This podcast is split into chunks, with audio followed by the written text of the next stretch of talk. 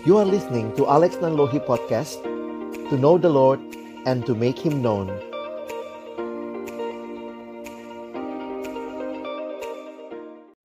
Shalom, selamat pagi teman-teman yang dikasihi dalam Tuhan Yesus Kristus. Senang boleh hadir pagi ini kembali dan sharing firman Tuhan dengan teman-teman. Ini merupakan uh, dua bagian yang tidak terpisah dengan minggu depan jadi hari ini saya akan membahas tentang um, bagaimana kita mengetahui kehendak Tuhan dan minggu depan nanti kita akan berbicara lebih jauh tentang panggilan hidup ya. Jadi saya harap uh, dua minggu ini boleh memberikan dasar yang baik untuk teman-teman sekalian mulai berpikir serius ya khususnya di tengah-tengah kita menggumulkan bagaimana kita mengetahui kehendak Allah. Nah, Teman-teman yang dikasihi Tuhan, uh, secara khusus kalau kita bicara tentang mengetahui kehendak Allah, mengetahui apa yang menjadi kerinduan Allah bagi hidup kita, saya ingin mulai dengan mengajak kita melihat bahwa Allah menciptakan manusia sebagai manusia yang adalah gambarnya. Dan ini satu hal yang dinyatakan di dalam Alkitab kita. Kalau kita perhatikan Alkitab menjadi satu dasar yang kuat untuk kita memahami berbagai hal, termasuk diri kita. Jadi, waktu kita melihat awal mula segala sesuatu dalam Kitab Kejadian, di, dinyatakan awal mula segala sesuatu, termasuk awal mulanya manusia, dan jelas sekali Alkitab mengatakan bahwa manusia adalah ciptaan Allah konsekuensi kalau kita adalah ciptaan, maka kita adalah makhluk yang bukan independen. Ya, kita bukan makhluk yang bebas berdiri sendiri tanpa ikatan, tetapi jelas sekali bahwa kita ini adalah ciptaannya Allah. Sehingga kalau bicara ciptaannya Allah, maka kita harusnya bergantung kepada Allah. Nah, yang menarik di dalam Alkitab, kita juga memahami bahwa Allah yang mencipta kita, Allah yang juga rindu berelasi dengan kita. Tuhan rindu mengalami atau memiliki relasi yang pribadi dengan setiap kita umatnya. Waktu kita perhatikan bagaimana Allah bercakap-cakap dengan Adam, kita melihat ada keintiman relasi yang dimiliki oleh manusia dengan Allah penciptanya.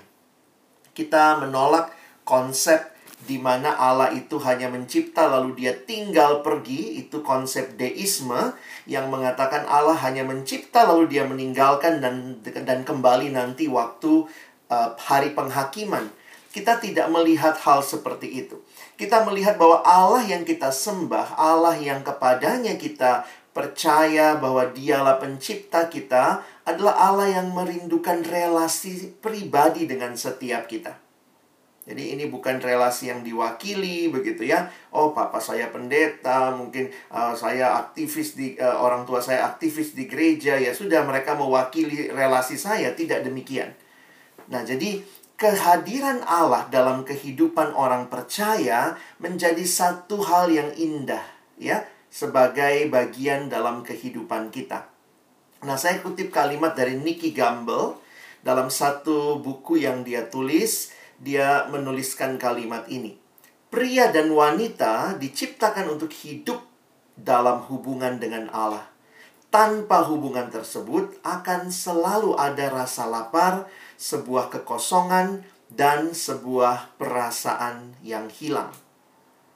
Kalau kita lihat gambarnya ya seperti ini generasi saat ini ya teman-teman ini generasi colokan ya. Kalau nggak ada colokan kayaknya menderita kita ya. Sehingga uh, mungkin salah satu usaha yang bagus itu kabel sambung ya, kabel roll. karena kita selalu berusaha untuk terkoneksi dan karena itu kita membutuhkan power supply. Nah, apa yang menarik untuk kita kaitkan dengan bahasan kita hari ini? Maka jangan melihat Allah itu seperti Allah yang distance dari kita, Allah yang tidak terlibat dengan kehidupan kita, tapi dia punya rencana buat kita. Itu saya pikir sangat impersonal, sangat tidak pribadi atau sangat tidak ada relasi bahwa kadang-kadang kita berpikir oh Tuhan itu punya punya kehendak lalu kemudian tapi dia dia tidak tidak punya relasi dengan kita. Saya pikir bukan demikian cara pandang kita. Nah, karena itu saya ingin mengajak kita melihat Mazmur 32. Kita akan melihat dua ayat saja. Mazmur 32 ayat 8 dan ayat yang ke-9. Teman-teman kalau nanti memperhatikan di dalam dua uh, ayat ini Nanti kalau sempat membaca ayat-ayat sebelumnya, di bagian awal dari Mazmur 32 ini bicara tentang Allah yang mengampuni dosa. Nah, bagi saya ini menarik ya. Allah kita adalah Allah yang mengampuni dosa. Dia memberikan pengampunan bagi kita. Seperti lagu tadi The steadfast love of the Lord never ceases. Nah, tapi kemudian perhatikan ayat 8 dan 9. Saya sudah tuliskan di screen sehingga teman-teman bisa langsung melihatnya. Perhatikan kalimat yang dinyatakan Allah kepada pemazmur, Aku hendak mengajar dan menunjukkan kepadamu jalan yang harus kau tempuh. Aku hendak memberi nasihat, mataku tertuju kepadamu. Ayat 9, Janganlah seperti kuda atau bagal yang tidak berakal, yang kegarangannya harus dikendalikan dengan tali les dan kekang. Kalau tidak, ia tidak akan mendekati engkau. Teman-teman yang dikasihi Tuhan, saya ingin mengajak kita berpikir begini. Kenapa ayat-ayat ini nampaknya begitu indah? Karena ada satu hal yang sangat mendasar, yaitu relasi dengan Allah tadi. Nah, karena itu sering kali muncul pertanyaan, mana yang lebih tepat? Ini teman-teman, uh, saya jujur harus katakan kita sering kali mempertukarkan penggunaan istilah. Saya no problem dengan pertukaran penggunaan istilah ya, karena kita memang kadang-kadang tidak selamanya mengucapkan dengan tepat. Tetapi yang saya ingin tantang kita untuk evaluasi pagi ini adalah masalah sikap hati ya, saya ingin menantang kita untuk mengevaluasi sikap hati kita dalam kaitan dengan Allah, dalam kaitan dengan kehendak Allah. Nah, ada dua istilah yang terkenal. Ada istilah mencari kehendak Allah, mencari kehendak Tuhan, dan ada juga istilah mengetahui kehendak Tuhan, seperti yang pagi ini ya jadi istilah kita ya. Nah, di dalam pemahaman saya pikir ini sangat-sangat berbeda. Mungkin kalau dalam penggunaan ya kita kadang-kadang bilang mencari kehendak Tuhan. Gue lagi cari kehendak Tuhan nih. Atau gue pengen tahu nih apa kehendak Tuhan. Nah istilah ada yang menggunakan istilah finding. Ada juga yang menggunakan istilah knowing. Which one you prefer? Ya gitu ya. Kalau kita tanya, teman-teman lebih setuju dengan yang mana? Nah, ini yang saya katakan, saya ingin menantang sikap hati seperti apa yang teman-teman dan saya juga miliki waktu kita mengerti kehendak Allah. Karena sikap yang pertama itu cenderung seperti ini. Kita berpikir Allah itu punya kehendak, Allah punya rencana, Lalu kemudian kita tuh harus banging the door gitu. Ayo Tuhan, kasih tahu dong apa dong gitu ya. Seolah-olah Allah sedang menyembunyikan dari kita. Lalu kemudian kita jadi, ayo dong Tuhan, saya pengen tahu nih gitu ya. Lalu kemudian kesannya kayak Tuhan uh, ini ya, Tuhan itu Tuhan yang tukang ngambek gitu. Ayo, nggak mau, uh, rajin doa dulu. Ayo, doa dulu. Ayo, satu dulu. Uh, ayo, rajin ke gereja dulu. Oke, uh, oke. Okay, okay. Kalau sudah itu, ayo kasih persembahan. Jadi kayaknya saya harus doing something kepada Tuhan. Ayo Tuhan, ayo Tuhan, saya harus give something to Him. Lalu kemudian nanti kalau Tuhan udah rasa cukup, oke okay deh, oke okay deh. Nah, ini, ini, ini, ini kehendakku. Apakah itu cara berpikir kita? Sehingga ketika kita mau cari tahu kehendak Tuhan pun tiba-tiba ada mendadak rohani, mendadak rajin baca Alkitab, mendadak rajin ke gereja, mendadak uh, sekolah minggunya rajin. Padahal ada maunya gitu ya. Nah ini satu sikap yang saya pikir kita harus evaluasi. Karena ini tidak menjelaskan apa yang kita bicarakan di awal tadi. Bahwa sebenarnya Allah adalah Allah yang berelasi dengan kita. Allah tidak sedang menyembunyikan kehendaknya dari kita. Lalu Allah minta kita, ayo aku pengen lihat kamu gedor-gedor pintu surga gitu ya. Ayo, kalau aku sudah cukup merasa, oke okay deh, udah cukup nih, baru saya kasih tahu. Allah kita bukan Allah yang sedang menyembunyikan dan main hide and seek sama kita. Allah bukan sedang main petak umpet sama kita. Tapi banyak orang Kristen yang berpikirnya begitu ya. Uh, ya udah, saya lagi apa ya mau berusaha sehingga akhirnya kita jadi tidak uh, konsisten sebenarnya dalam penghayatan dan pengenalan akan Allah. Sementara istilah kedua, nah ini yang saya juga pikir lebih tepat ya. Bukan cuma sekadar dalam pengucapan, tetapi dalam masalah sikap hati yang tepat. Karena itulah yang kita lihat di dalam Mazmur 32. Di dalam Mazmur 32 Allah menyatakan kepada pemazmur ya dalam perenungan pemazmur dia melihat apa dia menuliskan apa yang dia hayati sebagai apa yang Tuhan sedang nyatakan. Tuhan berkata, "Aku hendak mengajar dan menunjukkan kepadamu jalan yang harus kau tempuh. Aku hendak memberi nasihat, mataku tertuju kepadamu." Jadi teman-teman, Tuhan tuh bersedia menyatakan itu. Dia tidak sedang ngumpetin hal itu dari kita. Dan apa sih hal-hal yang Tuhan mau sampaikan? Nasihat-nasihatnya seperti apa? Jalan-jalannya seperti apa? Saya pikir sih jelas sekali di Alkitab ada hal-hal yang sangat jelas yang Allah nyatakan sebagai kehendaknya dan itu ada di dalam firman Tuhan. Ya. Jadi kalau kita perhatikan banyak hal kok sudah jelas Tuhan mau kita kudus, Tuhan mau kita hidup benar, Tuhan mau kita mengasihi, Tuhan mau kita mengampuni, itu kehendak Allah. Ya. Nah, jadi sebenarnya tidak ada hal yang Tuhan sedang sembunyikan bagi kita. Nah, harusnya bagaimana respon kita? Karena sering kali yang kita bicarakan kehendak Allah, nah ini kalau kita masuk sedikit ya, kita lagi mau bicara kehendak Allah buat diri kita secara pribadi. Oh, tentang masa depan saya, apakah dia yang harus jadi teman hidup saya, apakah pekerjaan ini yang harus saya pilih, apakah jadi ada hal-hal yang begitu banyak dalam antrian pencarian kehendak Allah kita yang sebenarnya atau mengetahui kehendak Allah yang sebenarnya itu bicara terkait dengan diri pribadi kita.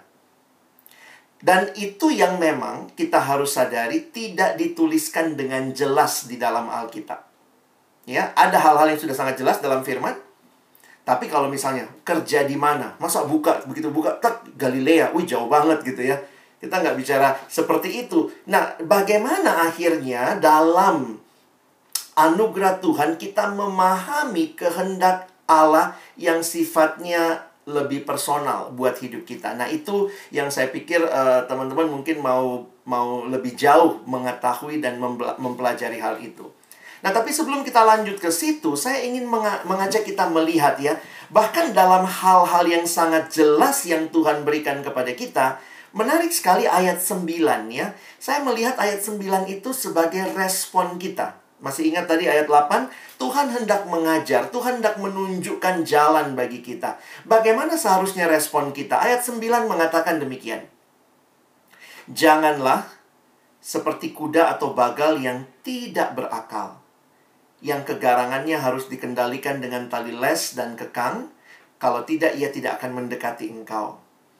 Awalnya saya waktu berpikir gitu ya, harusnya saya expect apa gitu kan. Kalau Tuhan hendak menyatakan jalannya, maka harusnya ayat 9-nya, bukalah firmannya, rajin-rajinlah baca firmannya. Itu pasti harus dilakukan.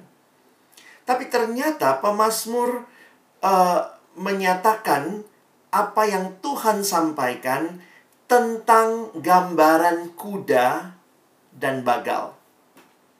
Dan kuda dan bagal ini yang dikaitkan adalah mereka tidak berakal, mereka garang, liar, lalu harus dikendalikan dengan tali les dan kekang. Nah, saya ingin mengambil uh, ini ya, mengambil prinsip saja dari ayat ini. Jangan lupa tadi Kak Alex sebenarnya sudah bilang ya bahwa jelas ada hal-hal yang sudah dinyatakan dalam firman. Tetapi dalam ayat 9 ini saya mendapatkan dua prinsip berikut. Bahwa ternyata Tuhan pun menggunakan atau melalui akal budi yang Tuhan berikan kepada kita menjadi cara bagi kita untuk memahami kehendak Tuhan. Lalu kemudian kalimatnya tadi ya. Jangan jangan harus dikendalikan dengan tali les atau kekang. Makanya saya melihat ini juga masalah ketaatan. Jadi, tentu yang pertama dan terutama pakai firman Tuhan untuk memahami apa kehendak Tuhan itu pasti harus mutlak. Atau kalimat sederhananya begini, jangan mimpi mengetahui kehendak Allah dengan Alkitab yang tertutup. Itu namanya mimpi. Kadang-kadang gitu ya, saya banyak layani anak SMA, anak kuliah gitu ya. Lalu datang tuh, misalnya anak SMA, Abang saya nggak tahu nih ke depan ke mana ya hidup saya. Tuhan mau apa ya dalam hidup saya. Biasa kalau sudah mulai ujian nasional menjelang itu, wah udah sibuk segala macam. Sampai waktu-waktu untuk berdiam diri, berdoa kepada Tuhan nggak punya gitu ya. Jadi saya bilang sama dia, kamu gimana? Rajin baca Alkitab nggak? Masih saat teduh nggak? Nah itulah bang, susahnya, lagi sibuk banget. Hah? Mau tahu kehendak Allah, tapi nggak mau baca firman. Itu kan lucu gitu ya. Orang yang mau hidup tapi nggak mau menghirup oksigen, itu namanya bunuh diri. Sehingga ini jadi bagian bagi saya untuk memahami bahwa pasti yang pertama dan terutama adalah firman Tuhan. Nah, tapi dari ayat ini kita juga melihat, nah saya harus katakan ini prinsip yang bisa kita pakai untuk hal-hal yang tidak secara jelas dinyatakan dalam firman khususnya untuk kehendak Tuhan secara pribadi. Ternyata Tuhan memimpin kita tentunya dengan prinsip firman tapi juga dengan akal budi. Jadi gunakan ya pakai otakmu begitu ya. Pakai akal budi yang Tuhan berikan untuk melihat beberapa pertimbangan. Nah, teman-teman perhatikan ya ada satu ayat di Amsal yang saya senang. Adalah ayat itu kira kira-kira kalau saya parafrase begini. Rancangan itu terlaksana kalau banyak pertimbangan. Jadi maksudnya ya mari belajar menimbang begitu ya Mari belajar uh, discern dalam bahasa Inggris itu mungkin lebih tepat ya. Timbang-timbang untuk memahami akhirnya harus memutuskan. Jadi jangan juga cuma nimbang-nimbang doang. Nah, dalam kaitan akal budi ini apa yang perlu kita pertimbangkan? Ya jelas lihat situasinya. Lihat kondisinya. Tapi ingat, ini bukan cuma satu bagian aja. Selalu harus terkait menyeluruh. Sesuai sama prinsip firman atau tidak lihat situasi kondisinya seperti apa. Lalu lihat juga kapasitas diri kita. Walaupun kamu kayaknya waktu saat teduh sangat menikmati. Kayaknya Tuhan suruh saya ke Afrika ini. Aduh Tuhan, kayaknya berapa kali saya nonton uh, Wild Animal Afrika. Kayaknya saya tertantang sekali ke sana. Terus lihat dulu kapasitas diri kita seperti apa. Banyak orang yang suka over spiritualize. Maksudnya meyakini itu kehendak Tuhan padahal sebenarnya itu juga tipis banget bedanya sama keinginan diri pribadi. Karena itu bagaimana discernnya? Saya pikir coba ini jadikan beberapa pertimbangan. Lihat situasinya, lihat kondisinya, lihat kapasitasmu, lihat dirimu seperti apa. Dan libatkan orang lain. Kita itu butuh komunitas ya. Ada kakak-kakak sekolah minggu, ada mereka yang lebih dewasa dan tentunya orang tua kita ya minta nasihat, minta pertimbangan dari orang Kristen yang lebih dewasa, dan seterusnya. Sehingga saya harus ingatkan buat kita, di dalam kita mempertimbangkan ini, memang pada akhirnya kita harus memutuskan. Bagaimana memutuskannya? Ya, berdasarkan pertimbangan ini, kamu berdoa sama Tuhan, dan akhirnya memang harus membuat keputusan. Jangan cuma timbang-timbang tidak membuat keputusan kalau kita ingat bahwa masukan orang tetap harus diperlakukan sebagai masukan. Pada akhirnya, bagi orang dewasa secara rohani, kalian harus mengambil keputusan. Jadi jangan biarkan mengambil keputusan itu orang lain ya. Dalam arti maksudnya kalau kalau dalam kaitan hal-hal tertentu, kalau anak remaja memang beberapa keputusan diambilin orang tua ya. Tapi kalau kalian sudah semakin dewasa, dalam menjalani hidup ke depan, saya pikir biarlah masukan yang lain jadi pertimbangan, tapi teman-teman harus memutuskan. Nah, ada muncul pertanyaan begini sama uh, ke saya ya waktu ada yang nanya gitu. Tapi Kak, dari mana saya tahu yang ini kehendak Tuhan? Saya bilang saya juga jujur ya, saya nggak tahu persis karena itu pergumulanmu sama Tuhan. Terus kalimatnya dia gini, gimana Kak kalau salah pilih? Saya bilang caranya kamu tahu salah pilih apa tidak, pilih dulu baru tahu itu salah pilih apa enggak gitu ya. Kadang-kadang bisa kita takut salah pilih tapi nggak memilih itu kan jadi nggak tepat juga. Nah, coba perhatikan ya. Nah, saya coba tambah beberapa prinsip ya dalam Alkitab. Ada hal yang menarik di 1 Korintus 10 ayat 31. Bagi saya ini sangat menarik kalau anak sekarang bilang mungkin terdengar terkesan receh banget ya. Paulus menjawab ya, aku menjawab jika engkau makan atau jika engkau minum atau jika engkau melakukan sesuatu yang lain, lakukanlah semuanya itu untuk kemuliaan Allah. Wow, bayangkan makan, minum yang begitu uh, sehari-hari yang mungkin anak sekarang bilang gila makan aja receh banget tuh. Makan minum itu harus untuk kemuliaan Tuhan. Apalagi hal-hal lain berkaitan dengan pilih pasangan hidup berkaitan dengan pacaran kalau orang pacaran cuma just having fun baca lagi ayat ini makan minum aja harus untuk kemuliaan Tuhan kok kita menata masa depan itu bukan sekedar asal pilih juga tapi untuk kemuliaan Tuhan kok Nah, jadi saya akhirnya juga melihat mungkin untuk bisa menjadi pertimbangan. Seringkali dalam kehidupan yang harus dipilih itu dua-duanya sama-sama baik. Nah, ini ini yang memang biasanya jadi bergumul kalau dua-duanya sama-sama baik. Kalau yang jelas satunya nggak baik, udah udah jelas kan langsung eliminate ya, tinggal yang satu. Tapi kalau dua-duanya baik, kerja di perusahaan ini ada di Jakarta, peluang karirnya seperti ini atau nanti akan ada di luar kota peluangnya seperti ini mana yang harus dipilih sama-sama minta deadline akhir bulan gitu ya nanti kita bicara itu lebih jauh minggu depan tapi akhirnya saya harus katakan ini pergumulan yang teman-teman secara pribadi harus lewati bersama dengan Tuhan prinsip ini bisa kita ambil dengan pola ini ingatlah tentunya yang jelas memuliakan Tuhan menjadi berkat bagi sesama dan juga tentunya bernilai kekal. Maksudnya apa? Bahwa meskipun kita bekerjanya terkesannya hanya sebatas untuk sekarang ini. Tapi saya menghayati di dalam hati yang mengenal Tuhan, kita bisa melihat apa yang terkait dengan hal ini dalam kontribusi kekekalan. Itu memberi makna kepada pekerjaan. Beberapa orang dalam tahun-tahun pertama kerja bingung tuh, apa sih gunanya kerjaan saya? Jadi kadang-kadang boro-boro ngeliat pekerjaannya berkontribusi buat perusahaan aja kadang nggak ada. Tapi kita secara khusus waktu baca Alkitab, menarik sekali ketika dalam doa Musa di Mazmur 90, dia mengatakan, Tuhan teguhkanlah perbuatan-perbuatan tanganku. Jadi dia bisa melihat bahwa dalam hal yang paling sederhana, paling kecil, tapi ada Tuhan yang hadir. Dia membawa pekerjaannya di dalam doa, dalam kehidupannya dia membawanya di dalam doa kepada Allah. Jadi uh, ini bisa jadi inilah ya pertimbangan. Nanti kasus demi kasus bisa kita bahas, tapi kira-kira hal-hal ini jadi pertimbangan. Dan bagaimana dengan kalimat tadi, ya? Apakah mungkin kita salah pilih? udah berdoa, udah tanya, udah bergumul, mungkin nggak salah pilih. Mungkin. Jangan berpikir nggak mungkin ya. Nah ini yang saya juga katakan, sering kali kita melihat Tuhan hadir, Tuhan memimpin hanya terkait dengan situasi dan momentum tertentu.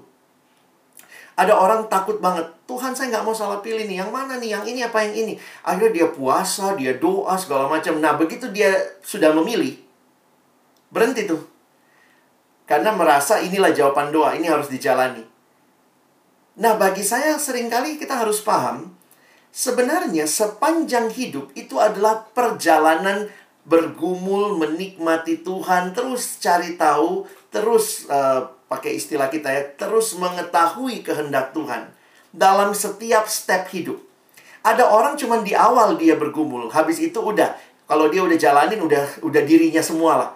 Bagi saya, sebenarnya kita butuh waktu-waktu tertentu di dalam sepanjang hidup untuk tanya lagi. Tuhan, what is the next step? Tanya lagi sama Tuhan. Nah, uh, saya kasih contoh ya.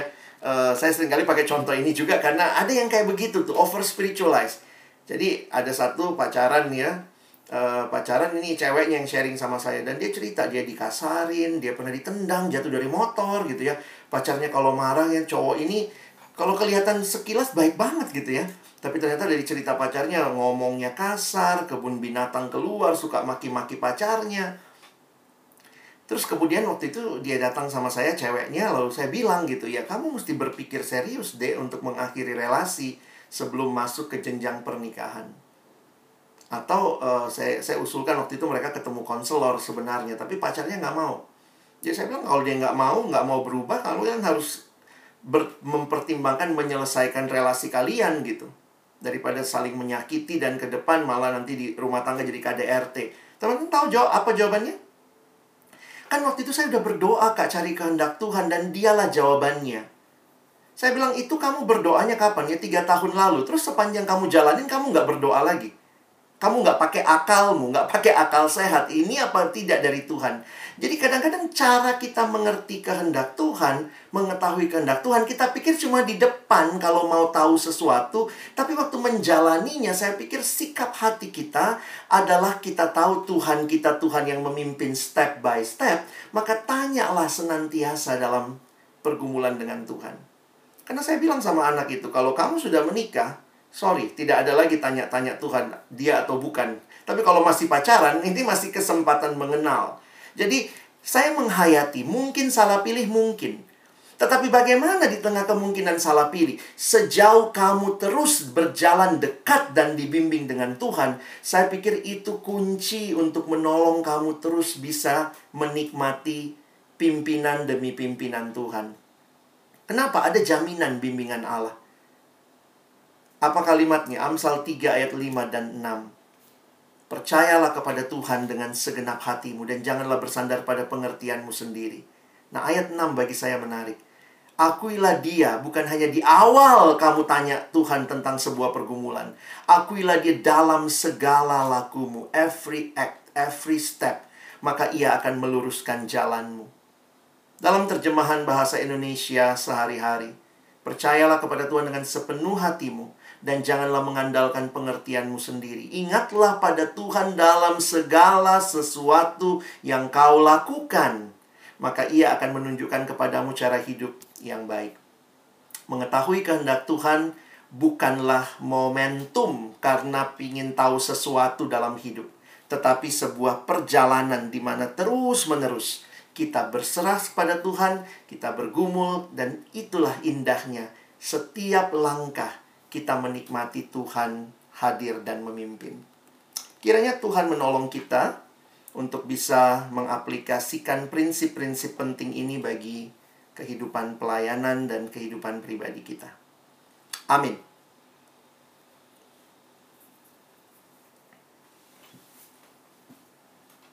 Baik, terima kasih Bang Alex buat uh, firman Tuhan. Oke.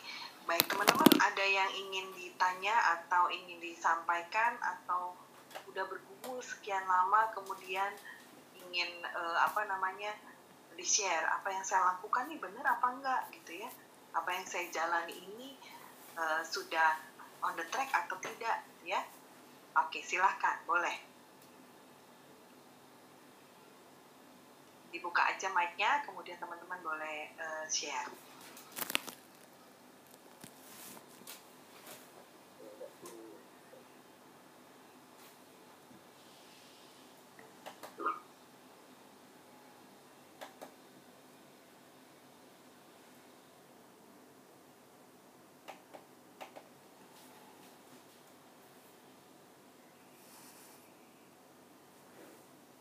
Ada?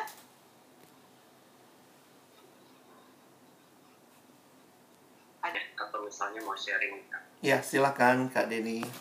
Uh, tadi kan ada ada uh, pertanyaan bagaimana kalau salah pilih sementara kita awalnya sudah uh, uh, percaya bahwa itu adalah kehendak Tuhan dan kemudian kan jawabannya adalah mungkin kemudian yang uh, tadi pertanyaan uh,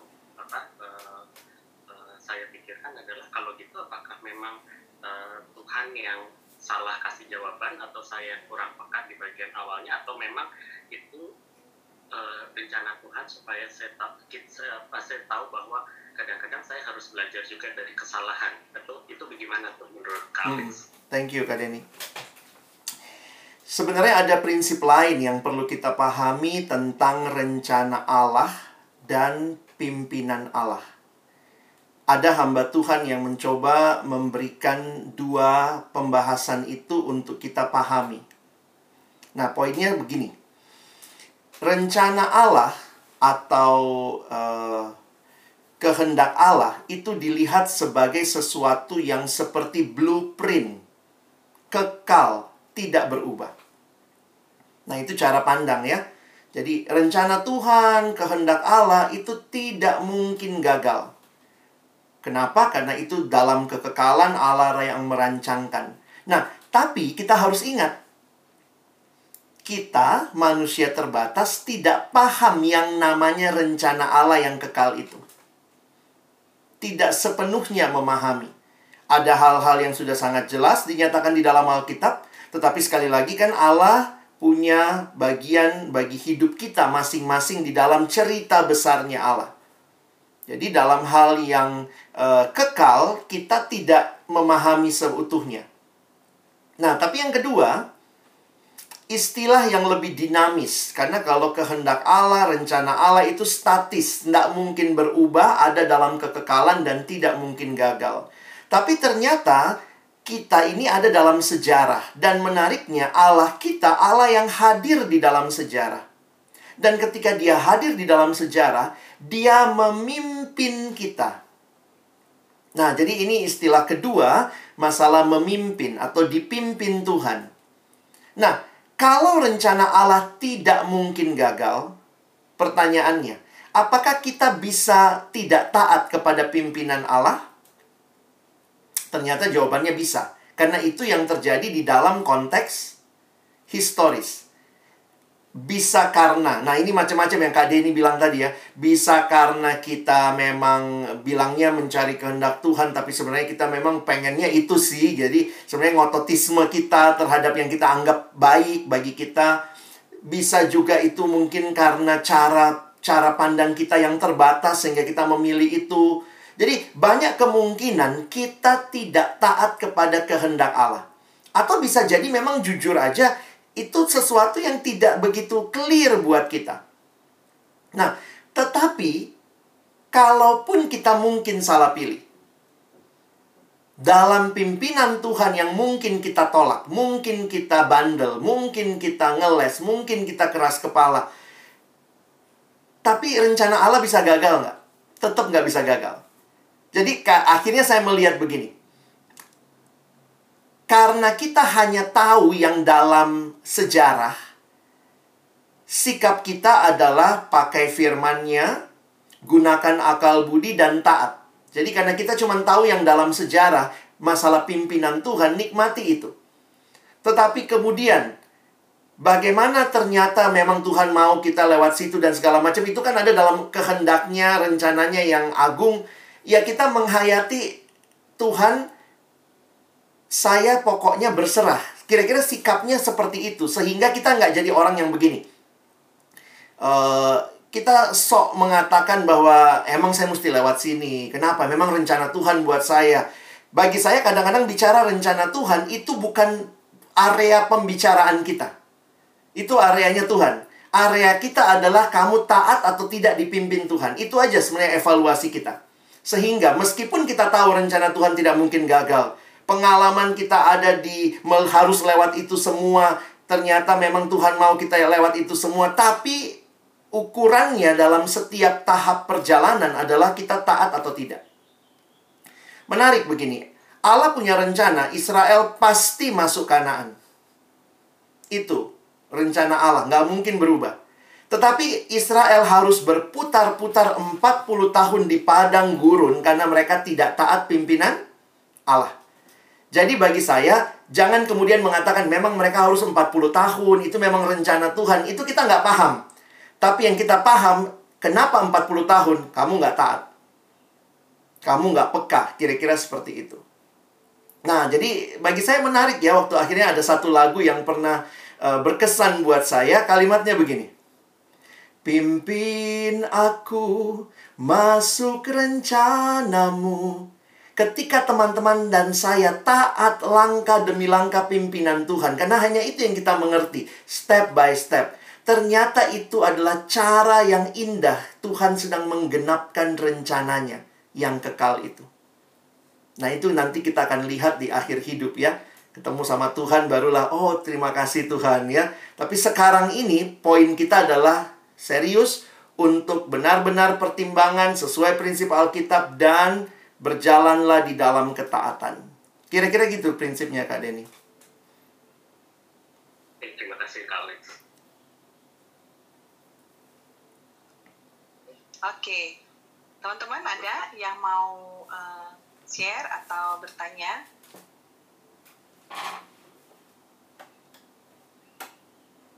Ya, Pandu silakan. Oh, Pandu ya. Ya, Pandu. Keluar Pandu suaranya. Suaranya nggak terdengar. Halo, terdengar?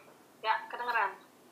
Ah, ah. iya dok. Uh, tadi Kak Alex kan bilang ya kita harus berserah sama Tuhan gitu kan untuk uh, tahu apa rencana Tuhan. Tapi apakah berserah itu artinya kita harus kayak hidup itu mengalir aja gitu kayak ya udahlah karena kita harus berserah jadi ya apa yang ada sekarang tuh dijalanin aja dulu.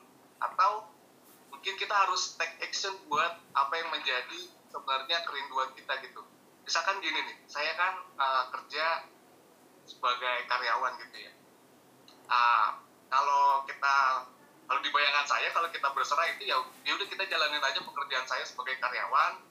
Mungkin ya nanti berlalunya waktu akan ada kesempatan-kesempatan lain. Atau uh, bisa juga ini contoh aja ya. Saya misalkan hobinya masak gitu. Terus saya pengen belajar masak sampai akhirnya saya pengen take action untuk itu sampai nanti mungkin saya bisa uh, buka toko restoran gitu. Nah kira-kira gimana tuh maksudnya? Saya soalnya masih agak bingung juga gitu soal uh, apa yang menjadi kehendak Allah karena sempat ragu-ragu juga terus juga mungkin karena ini udah mau agak quarter life crisis gitu ya jadi saya cuma nggak mau kalau misalkan apa yang saya jalani selama ini tuh kayak buang-buang waktu doang sia-sia gitu sih Iya. terima kasih Alex Thank you Pandu. Menarik ya, ini pertanyaan yang penting dan banyak menjadi pertanyaan yang mungkin mewakili teman-teman. Karena itu pastikan minggu depan kalian ikut lagi. Ini pembahasan minggu depan sebenarnya. Tapi uh, mungkin saya harus katakan begini. Seringkali kita berpikir kalau itu kehendak Tuhan, maka Tuhan nggak peduli sama perasaan kita, sama passion kita, sama kesukaan kita, sama hobi kita. Nah, uh, prinsipnya aja buat minggu depan ya, bahwa ternyata kehendak Tuhan itu juga nyata dalam apa yang Dia berikan kepada kita. Karena dari mana asalnya passion yang baik? Dari mana asalnya hobi kita, dari mana asalnya kemampuan kita, talenta kita, itu asalnya dari Tuhan. Karena itu ada satu kalimat menarik yang uh, di, dinyatakan mengatakan begini. Bicara mengetahui kehendak Allah, bukan bicara dari antah berantah, tapi sebenarnya sudah sangat jelas di dalam sejarah perjalanan hidup masing-masing kita. Jadi apa kehendak Tuhan buat teman-teman? Ya saya nggak suruh kalian cari dari mana, lihat di mana, tapi lihat dirimu, lihat dirimu. Apa yang Tuhan berikan, ya tadi misalnya uh, Pandu bilang ada passion, senang masak dan segala macam. Apakah itu mungkin? Ya mungkin aja. Nah, poin saya berserah kepada Tuhan bukan berarti diam, bukan berarti pasif. Tapi perhatikan kalimat saya tadi berserah kepada Tuhan adalah nikmatilah terus-menerus berelasi dengan Tuhan sepanjang perjalanan hidupmu. Itu yang saya maksud dengan berserah. Jadi saya tidak mengkontraskan kalau berserah kita pasif, kalau berserah kita nggak peduli, kalau berserah kita stay as we are gitu. No. Justru dengan penyerahan kepada Tuhan, hari demi hari berjalan bersama Tuhan, kamu akan makin kreatif. Karena Allah kita adalah Allah yang mencipta. He is the creator. The creative, creative God. Dari situ saya pikir kita jadi belajar gitu. Mungkin Tuhan juga akan bilang sama kita, itu belajar dari semut ya, belajar dari uh, pandanglah la, ya, apa ladang bunga yang ada di di di padang burung itu semua sebenarnya hanya mau menunjukkan kepada kita bahwa kita lebih dari yang lain. Jadi please uh, be human dengan uh, semua hal yang kita bisa flourish ya, yang bisa kita explore dalam diri kita. Nah, mungkin lebih jelas minggu depan saya akan bahas ya.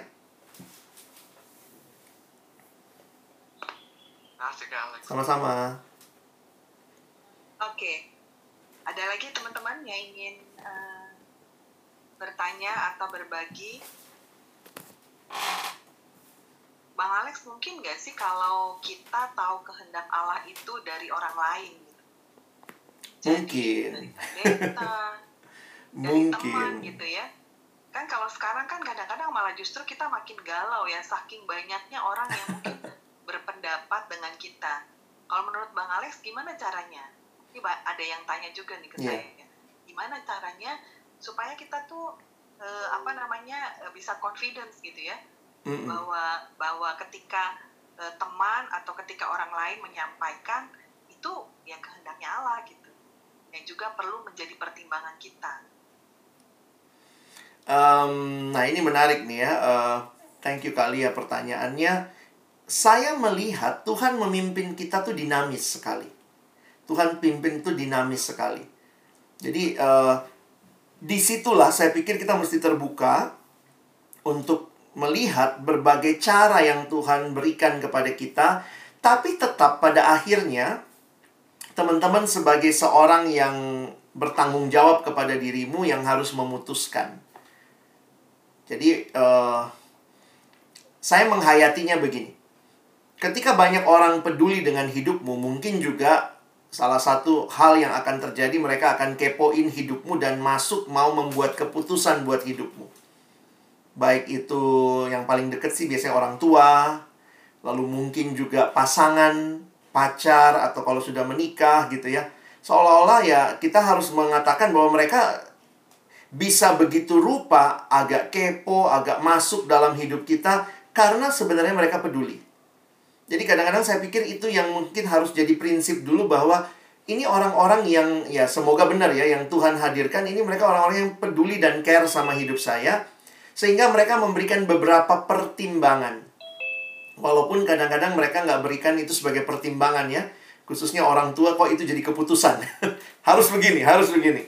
Nah, polanya adalah seiring berjalannya waktu, saya pikir di sinilah teman-teman eh, belajar bergumul ya untuk melihat, mendengar, dan kemudian akhirnya sampai kepada keputusan yang kalian ambil. Nanti gini deh, salah satu yang menarik ya, memang eh, Tuhan memimpin itu banyak cara. Cara yang paling utama lewat firman-Nya. Tapi kemudian bagaimana menerapkan firman dalam keseharian? Nah, nanti teman-teman baca di kisah Rasul misalnya ya. Ada satu teman yang pernah mencoba melihat bagaimana memahami kehendak Tuhan menurut kisah Rasul. Dia trace mulai dari depan tuh. Misalnya gimana ya akhirnya orang-orang murid-murid menentukan penggantinya Yudas. Masih ingat?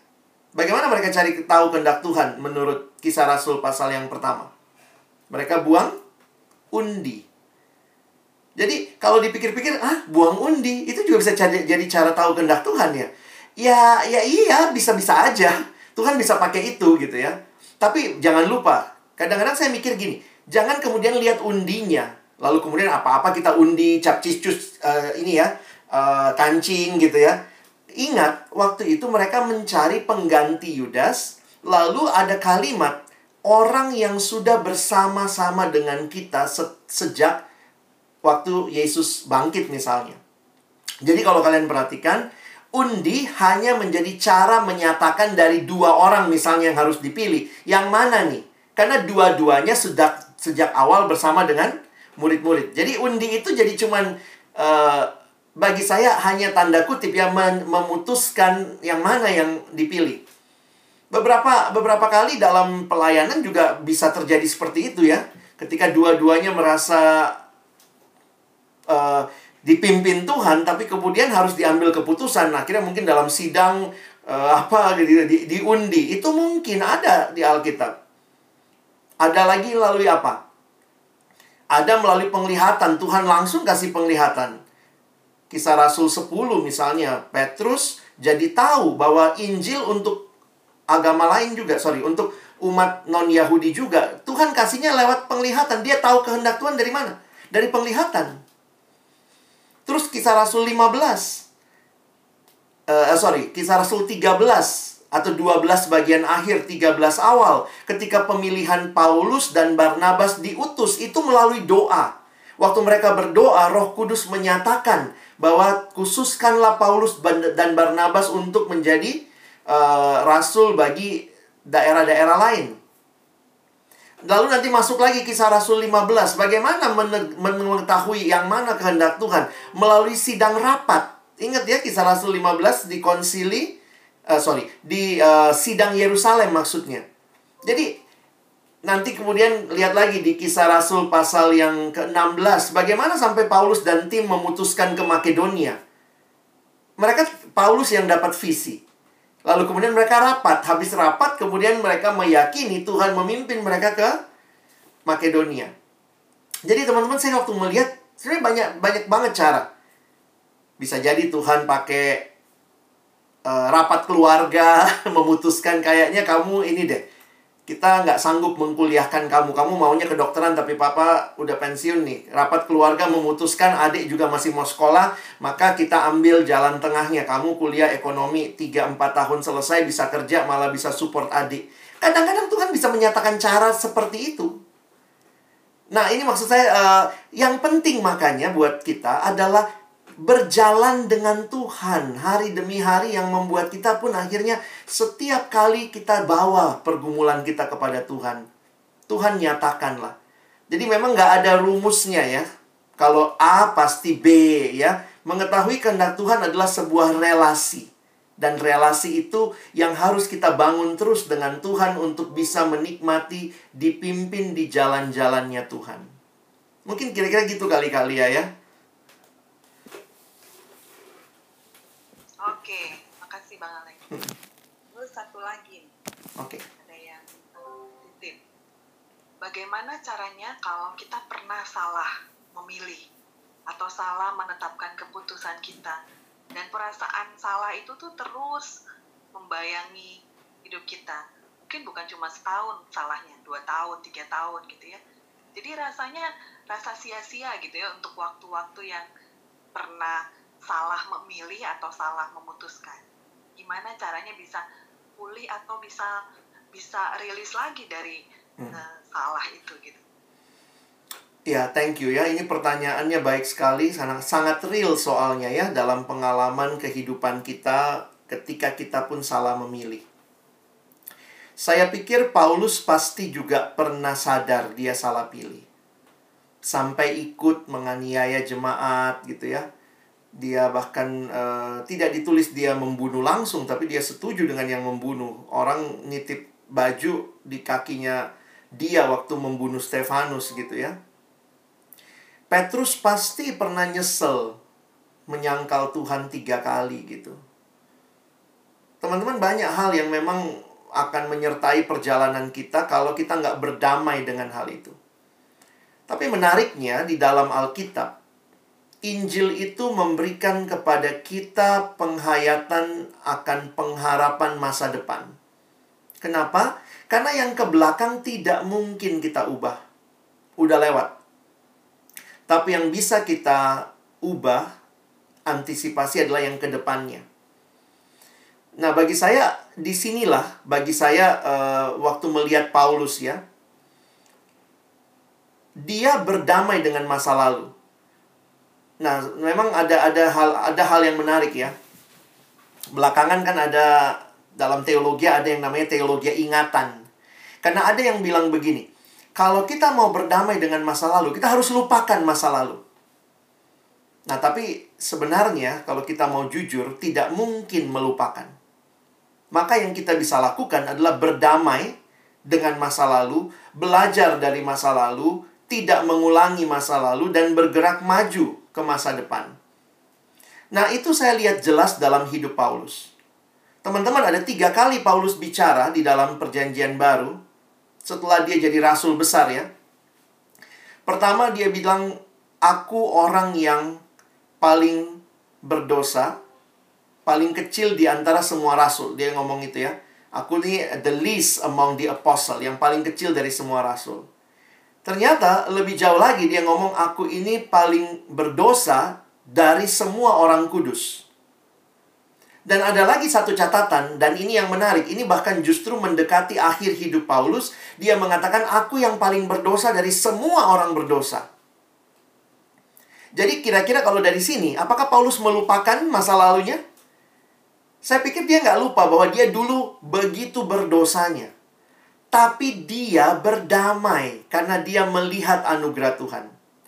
Sehingga dia bisa berkata ya, aku paling kecil dari rasul, lalu yang kedua aku paling berdosa dari semua orang kudus, terakhir aku paling berdosa dari semua orang berdosa. Apa yang menarik bagi saya adalah semakin lama Paulus ada dalam pelayanan, kesadarannya tentang anugerah Allah itu makin dalam, yang membuat dia sadar betul masa lalu yang tidak bisa dia ubah. Tapi pun dia menyadari betapa luar biasanya anugerah Allah yang memakai dia terus. Jadi akhirnya saya pikir masa lalu ini membuat kita tidak akan jadi sombong karena kita tahu kalau sekarang kita baik, kita makin baik, kita makin berhasil pelayanan. Ini tidak lepas dari anugerah Tuhan karena masa lalu kita begitu hancur, kira-kira seperti itu. Nah, jadi saya harus katakan uh, belajar berdamai dengan masa lalu. Belajar melewati itu dan ini mungkin punya proses. Paulus aja cukup panjang tuh Awalnya dia bilang aku dibanding rasul. Tiba-tiba aku dibanding orang kudus yang bukan rasul. Tapi terakhir aku dibanding semua orang berdosa. Jadi bagi saya menarik ya. Banyak orang makin berhasil pelayanannya makin sombong. Wih, aku nih, aku nih. Paulus makin lama makin luas pelayanannya, makin berhasil pelayanannya, makin sadar ini semua anugerah Allah. I am only the sinners among the sinners. Ya kira-kira gitu kali ya, kali ya. Oke, makasih Bang Alex. Alex ada titipan pertanyaan lagi nih. Boleh. Kak. Uh, Kak, bentar? Bacakan ya. Um, Kak ini berkaitan dengan kondisi yang lagi viral nih ya. Hmm. Bagaimana anggota DPR nih jadi ngomong negara bagaimana anggota DPR tidak hafal Pancasila, tidak mau mendengar aspirasi rakyat, tidak mau mendengar saran dari rakyat. Pertanyaannya, mengapa Tuhan menghendaki orang-orang seperti itu menjadi wakil Tuhan di bumi? Kemudian apa yang kita harus lakukan terhadap orang tersebut? Apakah ini kehendak Tuhan untuk menghancurkan negara ini atau bagaimana baiknya? Uh, thank you pertanyaannya. Uh, kadang memang menarik gitu ya. Kita ada dalam dunia yang hancur. We live in a fallen world. Itu hal yang harus kita sadari. Jadi teman-teman dan saya tidak bisa melupakan bahwa kita tidak ada di dalam dunia yang perfect. Dan sebenarnya itu pun sudah menunjukkan bahwa uh, dunia yang tidak perfect ini juga ada di dalam di dalam ya kalau mau pakai istilah kita ya kehendak Allah oke okay. Allah pun tahu bahwa dunia ini nggak makin perfect gitu Nah, tapi begini teman-teman, saya kadang-kadang harus katakan cara pandang kita sebaiknya cara pandang history yang menolong kita menikmati pimpinan Tuhan. Karena begini, kalau kita bersikap seperti itu, saya takut nanti kita jatuh dalam fatalistik. Fatalistik mengatakan, nah ini kan rencana Tuhan ya. Sudahlah, Tuhan memang menghendaki kayak gini. Mungkin Tuhan mau begini, mungkin Tuhan mau begitu. Nanti bisa begini. Yudas itu bawa Yesus ke salib. Gara-gara Yudas. Terus pertanyaannya, kita harus say thanks to Yudas. Makasih Yudas ya, kalau kau nggak mengkhianati Yesus, Yesusku nggak ke salib. Nah, poinnya adalah kita tidak memahami rencana Allah yang utuh di dalam kehendaknya yang luar biasa. Tuhan sanggup menggunakan rencana yang paling jahat sekalipun untuk mendatangkan kebaikan bagi kita. Tapi itu bukan bagian kita. Kita nggak tahu itu. Kita tahu belakangan. Oh iya ya, ternyata segala sesuatu terjadi untuk mendatangkan kebaikan bagi orang yang mengasihi Tuhan. Tetapi, apakah Yudas bebas dari kesalahan? Saya pikir tidak. Karena Yudas tetap salah. Yudas tetap mengkhianati Yesus dan itu kita harus lihat sebagai tindakan Yudas yang harusnya tentu ada hukumannya. Jadi cara pikirnya dalam kehidupan itu begini.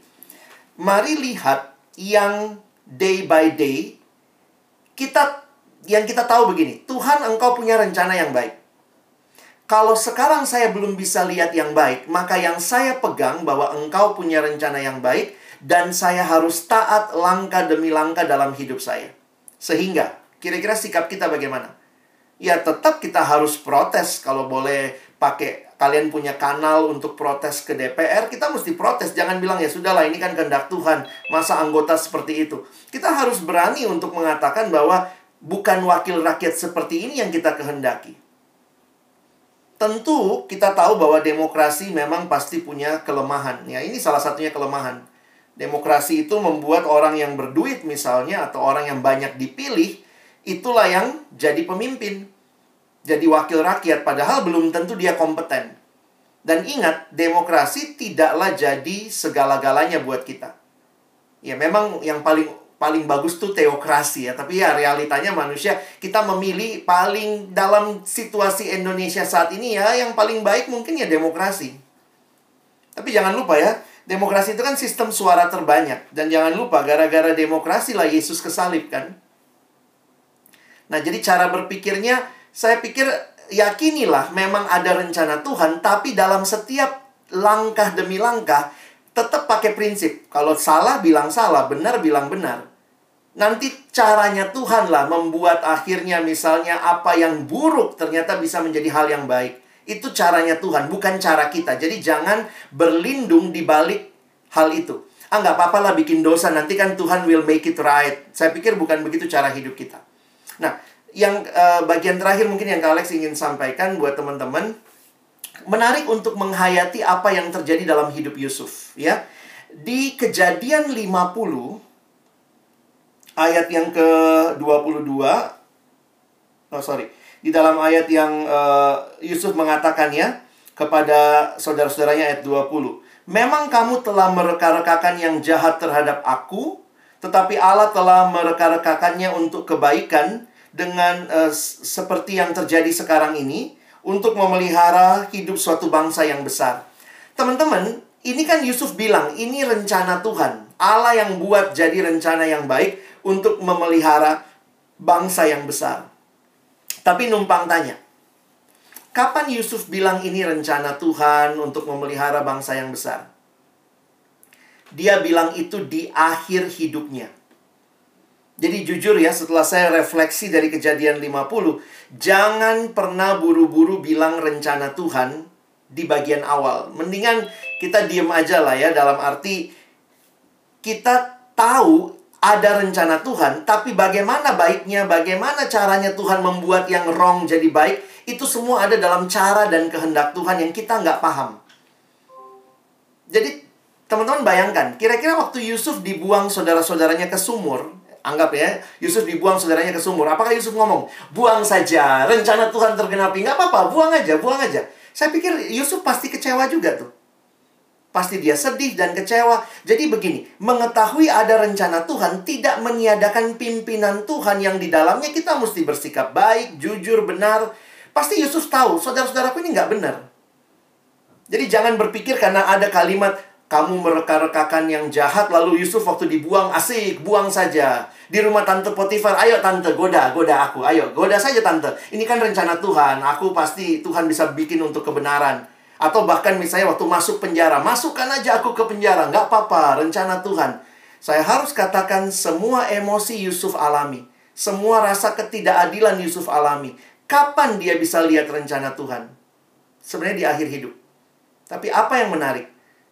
Yusuf taat pimpinan Tuhan step by step.